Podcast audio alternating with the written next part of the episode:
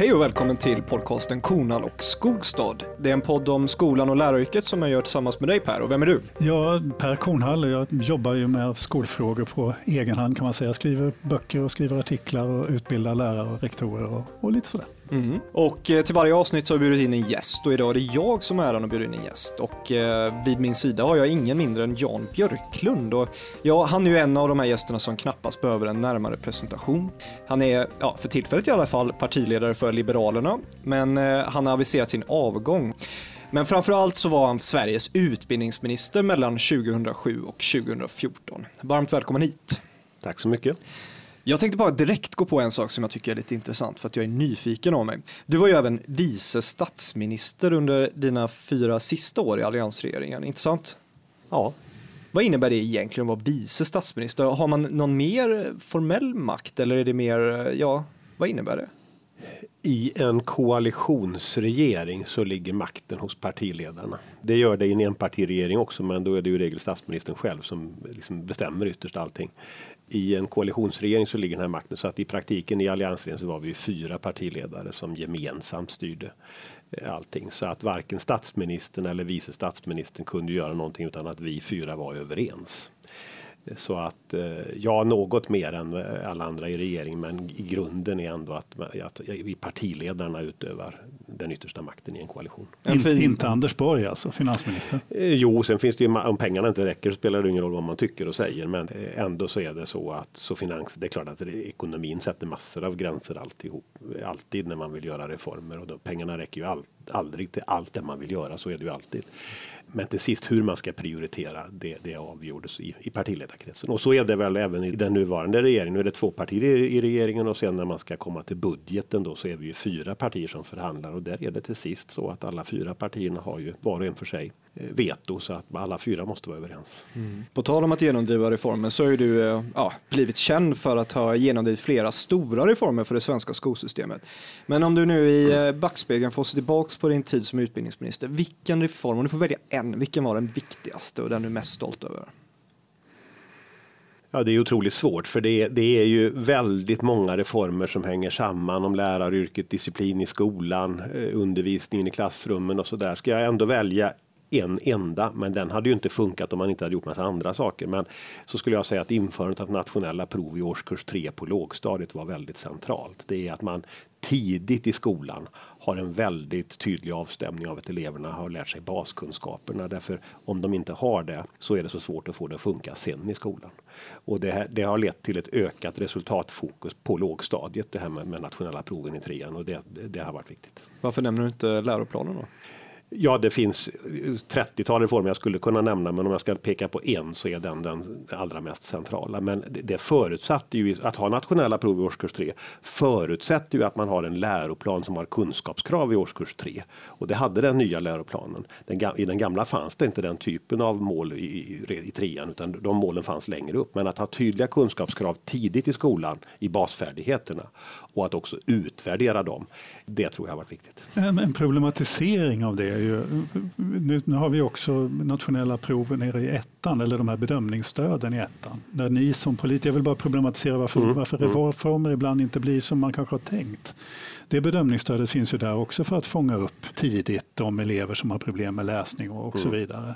Samtidigt så har, har ju då när, när det här uttolkas, det här kravet på det här stödet, så resulterar det i att Skolverket tar fram ett bedömningsstöd som är så omfattande att det tar, det tar en ofantlig tid. Mm eh, nere i skolverksamheterna som går, tas bort ifrån undervisning där lärare ska undersöka eleverna på längden och bredden. Även de som faktiskt som man skulle kunna bedöma på mycket snabbare sätt. Alltså, den politiska viljan kontra hur det faktiskt blir. Mm. Jag håller med om det och eh, kanske inte om proven i trean för de tror jag är rätt relevant utformade. Men jag kan säga att flera av de nationella proven så sätter man ihop en ämnesgrupp av lärare och ämnesexperter inom viss eh, ämne som ska utforma något test i någon viss årskurs, sexan eller nian eller vad det kan vara i något ämne. Och så växer ambitionsnivån något våldsamt under resans gång. Istället för att testa med vissa indikatorer att eleverna kan det här och det här så ska man liksom testa allt och så blir det så otroligt omfattande. Bedömningsstödet etta nu som ju har kommit till på senare tid har jag inte riktigt eh, följt upp själv, men, men jag, jag, jag, känner ju väl igen fenomenet. Mm. På våren 2018 gick du ut och aviserade att du inte var nöjd med den läroplan du själv drev igenom under en tid som utbildningsminister. Vad var det du ville kritisera med den och vad var det som fick dig att inse att uh, den behövde reformeras? Det är ju en väldigt, alltså att reformera skolväsendet i Sverige som ju är ett ideologiskt slagfält mellan olika idéer som har stått mot varandra i årtionden och ännu längre egentligen generationer. Så ska man verkligen göra stora förändringar så framkallar det också väldigt stora konflikter. Så under mina åtta år som skolminister så, så nästan många av de stora och viktiga reformerna var ju otroligt kontroversiella när de gjordes. Och jag var ju tvungen och vi som trodde på detta var tvungna att ta oerhörda fighter, både mot hela det vi kallar för det pedagogiska etablissemanget. Det är ju myndigheter och lärarhögskolor och så vidare. Men också mot den politiska oppositionen och som ju ofta gaddade ihop sig och kritiserade allt nästan. Och eh, det där gjorde ju att, och till sist så makt, man har makt som minister, men till sist måste ju åtminstone regeringen vara överens och säga och också andra partier i regeringen tvekade. Så många av, jag, när jag tittar tillbaka på de där åren så var nästan alla reformer, det kan finnas något undantag kanske, men nästan alla reformer gick i rätt riktning. Men jag skulle väl ha drivit dem längre. Och dit hör läroplanen. Det var alltså, jag ville ha mycket mer, en mycket mer konkret, tydlig läroplan medan andra eh, drev det här med att det skulle vara mera, eh, vad alla ska få utforma det fritt och sådär. Och, det, och då, måste, då kan det inte vara så tydlig och konkret. Och jag ville ha utvärderingsbara krav och andra ville inte ha det och sådär. Så det, till slut så blir en sån där produkt en slags kompromiss som det går att enas om. Så jag, men jag tycker med facit i hand, jag ångrar ju att jag inte drev det ännu mycket hårdare då redan. Men, men efter några år nu eh, och när fler lärare och andra och eh, inte minst ni själva här uppmärksammade detta så tyckte jag också att det är dags att säga det, att det är dags att revidera den, det vi borde ha gjort från början såklart. Är det också det vi ser i eh, januariavtalet då, de här skrivningarna om ökad betoning på ämneskunskaper? Är, är det någonting som du har varit och pådrivit i förhandlingarna mellan de partiledarna? Ja, o ja. Alltså de punkterna i januariavtalet som rör skolan är väl i stort sett Liberalernas valprogram som vi la fram i höstas i, i skolan. Och eh, så att det, reformarbetet var ju på, på intet sätt avslutat 2014. Det har jag aldrig påstått och hävdat utan vi, vi la om kursen. Men det behövs mycket mer och det behövs det fortfarande. De senaste fyra åren har ur de här hänsynen med, med mera kunskapsorienterad skola varit förlorade menar jag ur skolpolitisk synpunkt. Nu hoppas jag att vi med januariavtalet ska kunna flytta fram positionerna ändå. Hur var det? Hur reagerade de andra partiledarna när du försökte få igenom de här skrivningarna i avtalet? Vad det, blev det ja, kontroversiellt eller var alla överens om att det var bra politik? Eller? Eh, ja, eh, bra kanske inte, men det accepterades ju till sist av alla. I en förhandling får man då ge och ta och andra partier får igenom andra saker på andra områden och så får man liksom ge och ta och så. Sen är det väl så att det motstånd som fanns mot då för tio år sedan när vi gjorde läroplan och lärarutbildning, att det motstånd som då fanns mot de där reformerna som gjorde att vi inte nådde ända fram. Det motståndet har ju försvagats kraftigt så att det är väl fler idag. Alltså de här idéerna som nu står i januariavtalet som jag drev igenom. För 15 år sedan hade ju det varit fullständigt otänkbart att få en bredare enhet om de punkterna i Sverige så att hela den skolpolitiska debatten har ju förflyttats. Och det tror jag väl i och för sig att jag själv har varit en del av att göra. Jag tänkte bara en, en kort fråga där om, om januari, just januariöverenskommelsen. För, att för mig så känns ju, om det nu är så att det är ni som är ansvariga för det, mm. för det finns ju en hel del i det här som är otroligt slarvigt skrivet. Alltså, skrevs det här mitt i natten när, när orken tröt? För jag menar, det föreslås en utredning som ju redan låg som redan var igång och arbetade till exempel när det gäller Eh, ämnesbetyg i gymnasieskolan. Det fanns den här väldigt, väldigt slarviga skrivningen om inkluderingstanken som man kan reagera på på många sätt eh, och så vidare. Något slarvig, alltså det, inkluderingstank. Jag tar första frågan först. Ja, vi ta ja, men ämnesbetyg, det var väl mera för det att det står med där är väl mera att vi nu. Eh, alla partier har inte varit jättetydliga att man vill ha en sån förändring så att det står med här. Det finns visserligen en utredning, det håller jag med om, men, det, men tidigare har det inte funnits en politisk enighet om detta och, och, att det står med här betyder ju att det nu är, det finns en enighet om det. Mm. När det gäller inkluderingstanken så har ju den jag menar ju att det har varit förödande för de svagaste barnen i svensk skola. Den här inkluderingsstrategin. Det betyder ju inte att det alltid är rätt att inte inkludera, men det betyder att det har gått för långt. Mm. Men du är samtidigt medveten om att vi har skrivit på internationella konventioner om inkludering, Salamanca-överenskommelsen och sådana här saker. Jo, men de hårdtolkas som vanligt alldeles för långt. Det betyder, alltså en elev som har enormt stora svårigheter är inte alltid hjälpt av att gå i samma klass som alla andra. Så att eh, inkludering för mig betyder inte att man alltid sitter i samma klassrum som alla andra. Men för det som händer då är ju antalet underkända elever i svensk skola är ju mycket stort och de här svagaste eleverna får för lite stöd. Om vi jämför oss själva med andra länder, Finland till exempel, så har de mycket oftare särskilda speciallösningar och de lyckas bättre med de här eleverna. En, en fråga då, för att i Finland har ju då lärare ett helt annat mandat att föreslå åtgärder. Alltså, mm. Hur ser du på frågan om, om lärare skulle ha ordination reservationsrätt för specialpedagogiska insatser. De som verkligen möter eleverna får någon sorts befogenhet att dra ett streck i sanden och säga nu måste vi ha hjälp. Ja, till slut så måste väl någon pröva det där också, för det får ju inte heller bli så att man eh, bara de elever som det är lite extra svårt att jobba med, att man att var och en kan fatta det beslutet. Men liksom det, det, det behöver ju inte vara en segregerande mm. lösning, utan det kan ju vara en, ja. men att det behövs mer stöd. Till Just det, men du är inne på den tekniska, hur det ska lösas, vem som ska fatta beslutet. Jag är mera inne på, och det har jag för dagen ingen färdig lösning på, men, men det är möjligt att man ska gå den vägen. Men ja, framför allt så är det att i Sverige så är det väl ungefär 1% av eleverna som går i särskilda undervisningsgrupper. I Finland så är det 5, 6, 7, 8 procent och, och, och, under skoltiden så är det ännu många fler procent i Finland som gör detta och de lyckas bättre med de här eleverna och att det är så få procent i Sverige. Det är mycket färre än för förr var det mycket vanligare i Sverige har också lett till menar jag att många fler elever misslyckas i skolan. Mm. Liberalerna har ju under din tid vid rodret eh, flera gånger utsetts av väljarna som det parti med bäst skolpolitik. Samtidigt, du var inne på det tidigare, så har du varit oerhört eh, kontroversiell eller du har blivit mm. utsatt för väldigt hård kritik från, eh, från många håll. Mm. Hur, hur, har det varit? Hur har du upplevt det att vara utsatt för så hård kritik där det, ja, under en period så var det i princip dagligdags som det skrevs om dig i negativa ordalag när du gick ut med dina förslag, om vi backar mm. bandet. Hur, hur upplevde du det? Var det inte jobbigt att uh, jobba mot den här strömmen och inte inte få så mycket medhåll från eh, professionen. Jo, då funkar det ju så, att, vet ju jag, att, att de som håller med kan ju mycket väl vara flertalet, men de hörs inte av, utan det är ju de som är kritiska som hörs. Så funkar det ofta i den allmänna debatten och jag hämtade ju mycket stöd i att det var också väldigt många lärare som tyckte vi hade som att jag och vi hade rätt och har rätt och vi hade två lärarfackliga förbund va? och det ena höll ofta med oss och det andra var alltid kritiska. Men det som, de som var kritiska var ju ofta de som fick uppmärksamhet i debatten. Men till sist så är det ju inte bara en fråga om handuppräckning, vem som har majoritet, utan när man tillsätts som utbildningsminister, som jag gjorde då, och med en tydlig, vi hade en tydlig reformagenda, så var vi ju rätt övertygade om att vi ska gå i den här riktningen. Sen finns det ju alltid detaljer som liksom blir fel och det måste justeras och rättas till. Men att vi, vi hade under årtionden haft en inställning i Sverige att det här med faktakunskaper och ämneskunskaper, det var inte så viktigt. Det viktiga var att eleverna skulle lära sig arbetsprocesserna och sen skulle de lära sig själva kunskaper och läraryrkets för, kunskapsförmedlande roll skulle tonas ner mer. Lärarna skulle bli processledare istället. I, när det gick som längst så skulle lärarna vara kompisar istället för auktoriteter i klassrummet. Att detta var en skadlig utveckling för Sverige.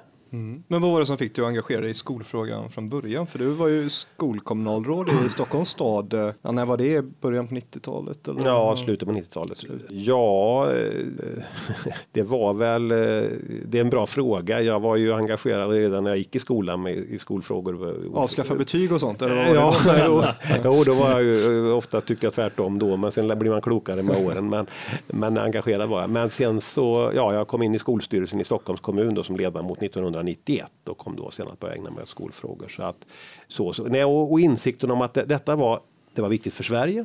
Men också att jag såg att det fanns väldigt stora problem och, och att man, Sverige var utbildningspolitiskt inne på fel spår tyckte jag. Och därmed så var det en utmaning att ta i såklart. Mm.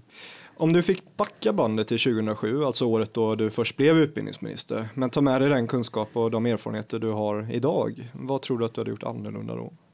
Ja, rätt mycket, men då hade jag, då ska jag säga det, det centrala i det är att jag ångrar nästan ingen av de reformer vi drev igenom mer än att vi inte drev dem tillräckligt långt. Vi gav, vi, så det, det eh, läroplanen som du själv frågade, om borde drivits längre. Vi borde gått längre ner med betygen. Vi skulle inte nöjt oss med att utreda förstatliga skolan. Vi skulle förstatligat skolan. Förstelärarsystemet med att ha ett professionssystem tycker jag är helt rätt, men det borde styrts upp mer. Och jag, vi, vi backade undan för att Kommunförbundet och ett av lärarfacken ville att det skulle vara så fluffigt som möjligt. Eh, och så där. Och det, det, det gick väl kanske inte att komma längre just då. Jag tror inte det, för jag tog, tror jag hårda strider. Men det är klart, ång, när, jag, när du frågar vad vi, när vi har gjort, gjort annorlunda så är, det, så är det ändå att vi borde drivit reformerna längre. Mm. Mm, är inte det lite grann, jag kan tänka på det, egentligen så har ju du som utbildningsminister så drev du rätt många frågor som, som låg på lärarnas bord, på professionens bord. Och ändå så blev du och ni utsatta för väldigt mycket kritik mm. för genomförandet. Det gäller till exempel lärarlegitimationen. Mm. Där man också kan titta på, hade man haft utrett det mer noggrant kanske mm. den hade landat bättre. Ja. Försteläraruppdraget och, och förstelärarpengarna och sen nu nästa pengapåse som kom då, som bara orsakade mer eller mindre, alltså som faktiskt har resulterat i att lärare slutade vara lärare mm. fastän man öser pengar över professionen för att det blir inte riktigt så att professionen uppfattar att det här hjälper dem. Fast professionen är ju inte, du resonerar som att professionen vore något väldigt enhetligt begrepp här att alla lärare tycker lika och jag vill bestrida att så är det inte i min erfarenhet utan det finns väldigt olika uppfattningar kring eh, även när, även när en del, alltså när det schabblas med genomförandet, när myndigheterna sjabblade till det här med legitimationen så att det fördröjdes. Det, det är ju ingen som tycker det är bra, inte jag heller såklart, men, men däremot så var ju själva idén rätt tänkt och den underlättar idag rätt kraftigt skulle jag säga. Det är rätt viktig reform eh, långsiktigt för Sverige. Jag tycker den är, jag tycker den är helt avgörande. Jag tycker ja, den är vansinnigt ja. viktig reform. Ja, men jag menar det. Jo, jag förstår det. viktigt att den skulle jo, göras ordentligt. Ja, men det håller jag såklart med om. så det sjabblades till det. Det dröjde ett år och det var eh, mycket kritik då. Den kritiken var ju befogad. Men det var ändå en viktig, så att, men, men den var riktig att göra ändå och effekten av den har varit viktig och den kommer fortsatt att vara viktig. Men sen när det gäller eh, till exempel förstelärarsystemet så är det klart att det går att säga att här fanns det saker, det borde styrts upp mer. Men jag är helt övertygad om att det skulle utsättas för en viss kritik även om det genomförs fullständigt korrekt. Därför att då finns det också en uppfattning att ja, men alla, jag har ju hört den ofta, alla lärare är samma jobb, alla ska ha lika mycket betalt, varför ska någon vara förstelärare och så. Alltså en, medan många andra tycker att det är helt rätt att man ska ha detta och, och att man ska, eh, duktiga lärare ska kunna göra en viss karriär och då tjäna mer pengar och så vidare. Så att här finns det ju olika uppfattningar. Så när man säger att professionen är kritisk så skulle jag ju säga att ja, eh, det finns över 100 000 lärare i svensk skola och de tycker inte lika. Frågar de vad de tycker om betyg så kommer hälften att säga ja och hälften nej. Men, men förstatligande, för du sa att om jag nu satt där vi borde ha förstatligat ja, skolan. Ja. Vad skulle det innebära? Vad skulle, hur skulle en sån reform ha sett ut? Vilka delar skulle ha förstatligats och på vilket sätt? Ser du? Ja, Eh, det första är ju att själva, det är ju huvudmannaskapet som förstatligas. Det betyder ju att staten är ansvarig, finansierar skolan, är arbetsgivare, åtminstone åt den pedagogiska personalen, lärare, rektorer och så vidare. Och staten är ansvarig. Alltså det, det här att vara huvudman betyder ju inte bara att man bestämmer, det innebär också att man är ansvarig. Mm. Och det är det jag tycker är problemet idag, att ett av problemen, att när resultaten sjunker i, i svensk skola, ja men då är det ju 280 kommuner som är ansvariga. Men det finns ju ingen kommunledning i Sverige som tycker att de är ansvariga. De tycker att det är statens fel. Men staten har inte maktmedlen att rätta till det, för det har kommunerna. Och så därav får vi alla dessa olika bidrag som är sektorstyrda eller specialdestinerade. Därför det är statens möjlighet att överhuvudtaget åstadkomma något. I grunden är det fel. I grunden borde det ju vara så att, menar jag då, att eftersom alla ändå tycker att staten bär ansvaret när det går fel så ska staten ha hela ansvaret. Men skulle staten då också ha ansvaret för eh, internationella engelska skolans lärares löner?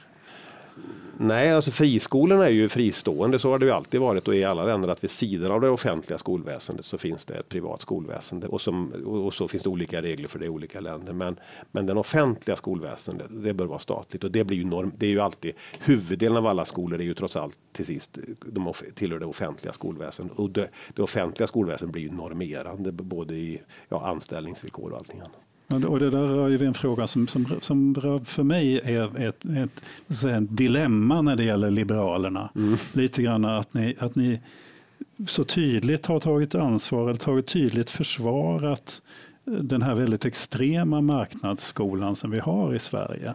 Alltså på något vis är det, känns det som att det gamla folkbildningsfolkpartiet med, med djupa rötter i lärare, i liberal tradition, i, som bygger på upplysningstidens idéer om att det är viktigt med kunskaper och så vidare, har, har, har ersatts med, med en väldigt förenklad att det är, det är företagens rätt att göra vinster som är någon sorts värdemätare på liberalismen i, i samhället.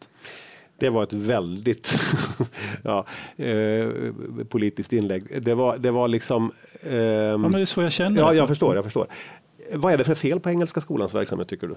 Ja, det finns ett antal problem med Engelska skolans verksamhet. Till mm. exempel när de etablerar sig i en kommun och bryter sönder den kommunala planeringen där de har försökt bryta segregationen mm. och så vidare. Mm. Bara för att man då så etablerar man sig då när man har fått då fulla klasser att söka och så får du en segregationseffekt mm. och en, en, en, till exempel. Det är ett problem med den engelska skolans verksamhet. Ja. Ett annat exempel kan vara att, att de, varför har de ett, så att säga, kan de utnyttja det här undantaget att de kan använda lågutbildade engelskspråkiga lärare att undervisa i ett svenskt skolsystem utan krav på svenskkunskaper. Och de har bland alltså det finns ett alltså, antal ja, olika men problem. De har, jag skulle säga att de har, att, att det står över 100 000, vad är det, 150 000 föräldrar, föräldrar sätter, alltså 150 000 elever står i kö till Engelska skolan. Det är ju något gör de ju rätt. Och de här föräldrarna väljer alltså bort den kommunala skolan och något gör den kommunala skolan fel. Och det här hade ju, det, jag tror ju så att, att den här, jag tror alltså att möjligheten att välja skola och föräldrars val driver fram en utveckling av skolan. Där man säger, ah, varför väljer föräldrar engelska skolan? Jag tror inte det beror i första hand på att de undervisar på engelska.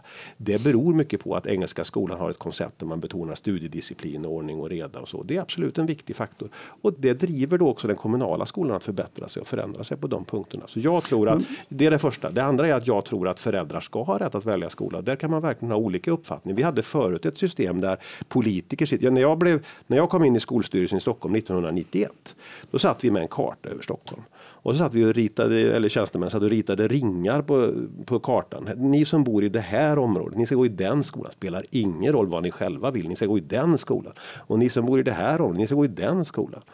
Liksom, sen sa vi så här, men varför, föräldrar kan väl själva få önskemål och synpunkter. Och det, så det, det är klart, det, det, handlar om vilken, ja, vilken makt staten ska ha, vilken makt föräldrar men, ska men ha. Nu hamnar du i en fråga om föret, alltså jag frågade om, om så att säga, företagssystemet, marknadiseringen när det gäller vinster, skolpeng, men du pratar skolval. Jo, men För skolval har, har man ju samma. väldigt många olika system. Ja. Men att vi har ett vinstdrivande företag som etablerar sig, mm. har fritt rättighet att etablera sig, det är ganska ja, unikt Fri rättighet är det ju ingen som har, utan man måste ju bli godkänd av Statens skolinspektion. Ja, då kan inte det, kommunen säga någonting emot. Nej, därför att kommunen blir ju en konkurrens mm. och det är klart att om Konsum skulle ha makten att stoppa ICAs mm. etablering så skulle de omedelbart göra det. Så det, det, det, är för, det är frågan, ska föräldrarna ha makt över detta eller ska politikerna ha makt över detta? Och där kan man tycka olika. Jag tycker att det är bra att föräldrarna får makt. Sen måste vi ju, sen finns det hur man än organiserar ett sånt här system så finns det fördelar och nackdelar och så måste man då parera nackdelarna på olika sätt. Så att det, ja, för vi har ju tydliga nackdelar i en, i en kraftfull segregation då på högstadienivå i svenska Fast jag skulle säga, Det har vi verkligen och jag skulle säga att huvudorsaken är inte skolvalet, det är hur vi bor. Ja, på alltså, högstadienivå är det, är det i rätt många kommuner kan man visa att det är skolvalet som ger en kraftfull Ja, men jag, jag, alltså valfriheten är, är också en aspekt på det, men huvudorsaken till segregationen här är ju att vi bor så segregerat. Om vi tar Stockholm där vi sitter just nu, jag har som sagt var själv jobbat här i rätt många år med skolpolitik, där är det så att om vi skulle återgå till närhetsprincipen då skulle eleverna i Rinkeby vara hänvisade till att gå just till Rinkeby och eleverna på Östermalm skulle hänvisade till att gå på Östermalm. Nu får vi en något ökad rörlighet. I grunden så går ju de flesta elever ändå där de bor. Det, så funkar det. Även när man får valfrihet så väljer de flesta att gå där de bor.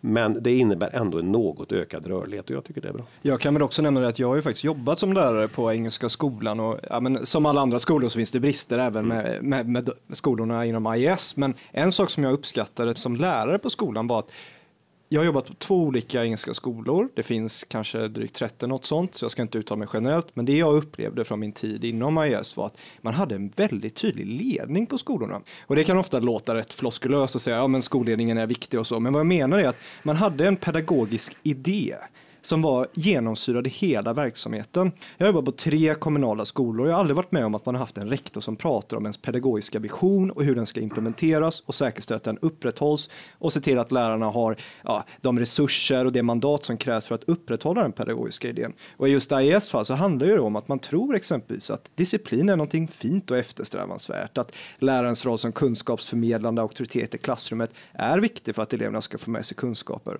Och för mig som lärare som gillar de här idéerna idéerna så var det faktiskt en bra verksamhet att arbeta inom. Men med det sagt så finns det andra brister. Men jag tänker på en annan sak. Du är en av de politiker som varit partiledare längst och jag kan tänka mig att det är en väldigt speciell tillvaro. Man får mycket uppmärksamhet och man syns mycket, man har också mycket att säga till om. Eh, nu har ju du aviserat att du ska avgå. Hur bekväm är du med tanken på att du ja, inom en snar framtid kommer kunna kanske till och med ta en sovmorgon, vakna upp utan att ha jättemånga missade sms och telefonsamtal, utan att vara i Aktuellt sändningen på kvällen. Kommer det kännas tomt tror du? Just sovmorgonen känner jag att jag kommer att stå ut med så att säga. Ja, nej, men det blir ju en omställning såklart. Jag har ju varit politiker på relativt hög, partiledare i 12 år och på relativt hög nivå i 25 år, så det är klart att det kommer att bli en omställning. Jag kanske inte till fullo inser den än, men så blir det. Men 12 år är väldigt länge och det är ju ett otro, det är väldigt roligt jobb det här, men det är också väldigt krävande så att nu, nu är det dags att lämna stafettpinnen vidare. Ja, fråga, en sak, jag, jag, jag, jag har ju varit imponerad av dig måste jag säga. Ditt sätt att kunna komma tillbaka och sånt där. Du alltså studsar tillbaka och in i debatten igen och, och igång med ett stort engagemang och så där. Sen har jag ibland funderat över det när man pratar med dig lite mer i sådana här det här är lite mer avkopplat, men när man har träffat dig någon gång tidigare så, så är du påfallande ödmjuk och trevlig och pratar med lyssnande och så. Sen i debatten så är det som att du inte kan låta bli att retas lite. Du har ju fortsatt använda katederundervisning fast du vet att du kanske hade haft en lättare match om du hade sagt strukturerad undervisning eller lärarledd undervisning. Det är väl fint att säga katederundervisning. Ja, men förstår du vad jag menar? Ja, det, det, för det finns en dimension där. Jo, som, ja, men det kanske är inte, den medveten? Det är väl det jag är ute efter. Men, inte att retas, men däremot så så här tror jag att försöker man släta över en eh, för ordet strukturerad undervisning, om vi tar det, eller lärarledd undervisning eller vad en del vill kalla det då. Då kan det betyda så väldigt mycket så alla kan bli plötsligt överens och det är ju bra. Det är bara att man menar olika saker. Så att med katederundervisning så menar man ju verkligen att inte, inte just att man ska stå i en kateder, men att läraren leder. Du menar ju inte det. Nej, nej, men det är, och det är ju bara de som vill vantolka det som tror att man ska sitta i en ja. kateder, utan alla vet ungefär vad det betyder. Och då håller inte alla med och så blir det naturligtvis en debatt. Men det är ju delvis debatten som är viktig för att man ska komma framåt. Så det är verkligen inte för att retas, men det är för att förtydliga i diskussionen så att man inte, man ska, debatten tjänar ju inte på att man låtsas vara överens när man inte är det. För att syftet är ju liksom också att diskutera och möta argument mot varandra och, och komma fram till något så småningom. I, eh, när du var utbildningsminister så var det ju du som utsåg Anna Ekström till generaldirektör för Skolverket 2011. Vad hade du sagt om Anna Ekström i egenskap av utbildningsminister 2019 hade ringt dig och frågat Jan, ska inte du bli generaldirektör för Skolverket nu? Eh, då hade jag svarat nej. Du hade det? Ja. Okay. En annan fråga. Vilken är den bästa skolpolitiken från den andra sidan blocket? Från vänsterblocket? Historiskt finns det ju väldigt många och det är ju, om jag bara får göra en utvikning där, när man tittar historiskt på svensk skolpolitik så är ju det ganska tragiskt att det var rätt stor samstämmighet fram till 60-talet. Men sen ändrades detta och det samstämmigheten gick ju ut på. Det var liberaler och socialdemokrater som var väldigt eniga om att nu skulle vanligt folks barn få samma chanser att få en utbildning, att få bilda sig, att få ta studentexamen som överklassens barn hade haft historiskt. Fram till, och, då, och det skulle vara en skola med höga krav, höga bildningsideal eh, och så vidare. Ordning och reda, lära, respekt för lärarauktoriteten. Men sen efter, 60, ja, efter 60-talet och det var 68 kan man väl kalla det som en symbolisk brytpunkt så ändrades ju hela inställningen hos den svenska vänstern och då blev det istället det här att man ska vi ska skapa jämlikhet, inte genom att alla ska ha samma chans, utan om vi tar bort alla krav så kan vi låtsas att alla är jämlika. Vi tar bort betygen så syns det inte att eleverna eh, kan olika saker. Vi, vi avskaffar studentexamen så blir alla godkända, vad bra.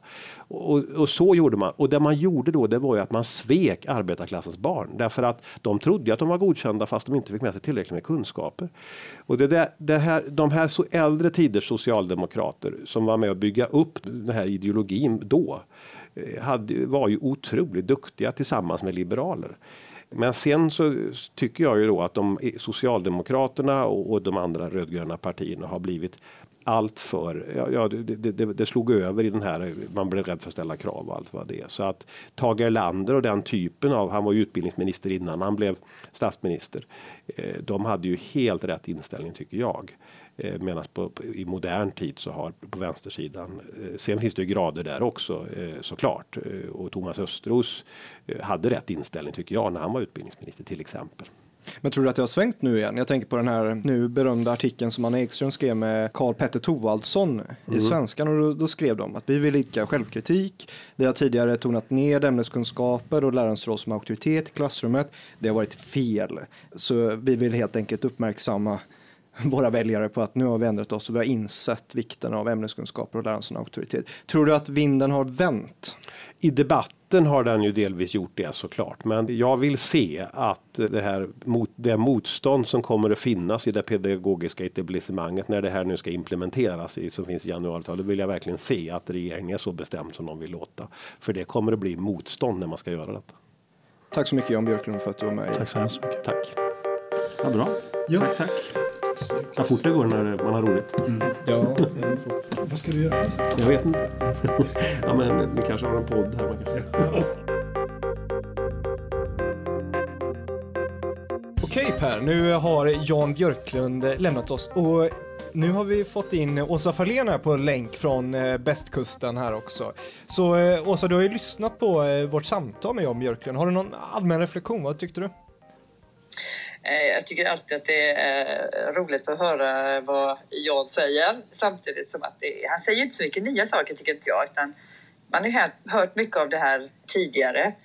Fokuset på baskunskaper tidigt i skolan och eh, kritik eller självkritik kan man väl säga mot att han inte tycker att han gjorde tillräckligt mycket under sin tid som utbildningsminister.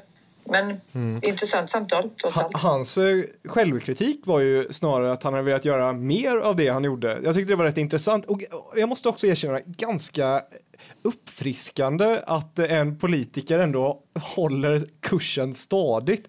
Man kan ju säga vad man vill om själva reformerna i sig, men jag upplever det ändå som rätt uppfriskande att en politiker säger att jag gjorde rätt, men jag borde gjort mer rätt av samma sak. Eller vad säger du Per? Ja, men jag, jag tycker det. Alltså, jag tycker ju om Jan Björklund. Jag håller inte med honom alls. Om, jag tycker han har gjort en massa tokiga reformer, att han har sagt en massa tokiga saker då och då. Men jag respekterar honom som människa på något vis. Det finns en någon sorts drivkraft och en vilja att göra någonting som är uppfriskande. Men han har ju också, tycker jag då, det är inte bara det att han skulle gjort mer, utan de skulle ha gjort saker och ting lite bättre. Alltså varit lite mer noggrann, inte ha fullt så bråttom som han hade, eller kanske alltid har då. Så. Men sen tycker jag att det var lite roligt att det är första gången jag hör honom överhuvudtaget på något vis förklara vad det där förstatligandet som de har pratat om i så många år egentligen skulle innebära. Han menar ändå faktiskt att lärarna skulle, lärartjänsterna skulle förstatligas. Då. Det är faktiskt vad han säger, det är det han, det han menar lägger i det här. Det är ingen från det partiet eller egentligen det som har sagt vad ett förstatligande eller en återgång från kommunalisering skulle innebära på det viset. Och så.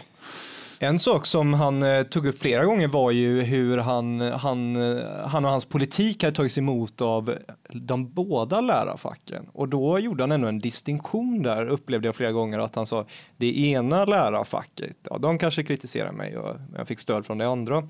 Eh, och eh, för oss tre så eh, vi vet ju vilket fack det då handlar om. Alltså han menar ju att Lärarförbundet hade varit eh, de som återkommande kritiserade honom medan han kanske upplevde att han hade fått lite mer stöd från LR. Hur har det sett ut där med relationen mellan eh, Lärarnas riksförbund och eh, Liberalerna? Eh, om man backar tillbaks bandet kring olika reformer och sånt, har det gått hand i hand ofta eller hur ser du på det? Ja, men, som jag, jag var ju inte eh, aktiv inom mm. Lärarnas riksförbund på den här nivån på den tiden. Men som jag har fått berättat för mig så är det ju så att de frågorna som, som vi har drivit under lång tid, många av dem plockades ju upp av Jan Björklund och den borgerliga regeringen. Eh, så att det är klart att de frågorna som vi har drivit under lång tid fick ju ganska stort utrymme eh, med Jan Björklund som utbildningsminister.